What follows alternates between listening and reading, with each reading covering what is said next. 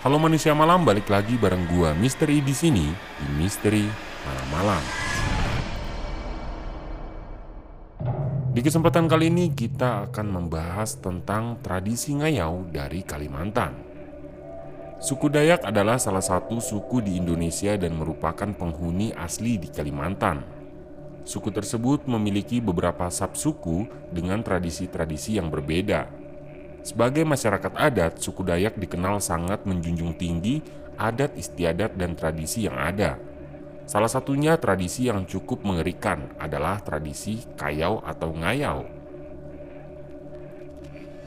Tradisi ngayau merupakan salah satu tradisi mengerikan yang pernah dilakukan masyarakat suku Dayak di Kalimantan.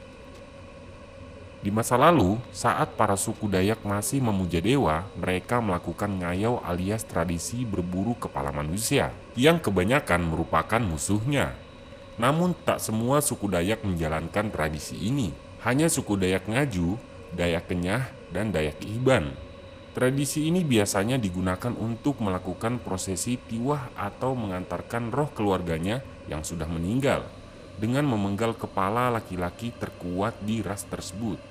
Ada pula digunakan untuk menyambut para prajurit yang kembali dari perburuan dan berhasil mengalahkan musuh.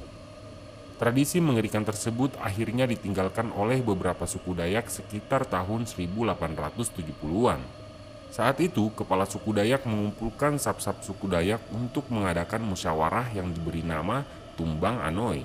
Tradisi ini dianggap memecah belah dan menimbulkan peperangan di antara sab suku Dayak. Namun pada tahun 2001 saat bentrokan disampit antara suku Dayak dengan suku Madura yang merupakan pendatang, tradisi mengerikan itu seakan kembali dilakukan.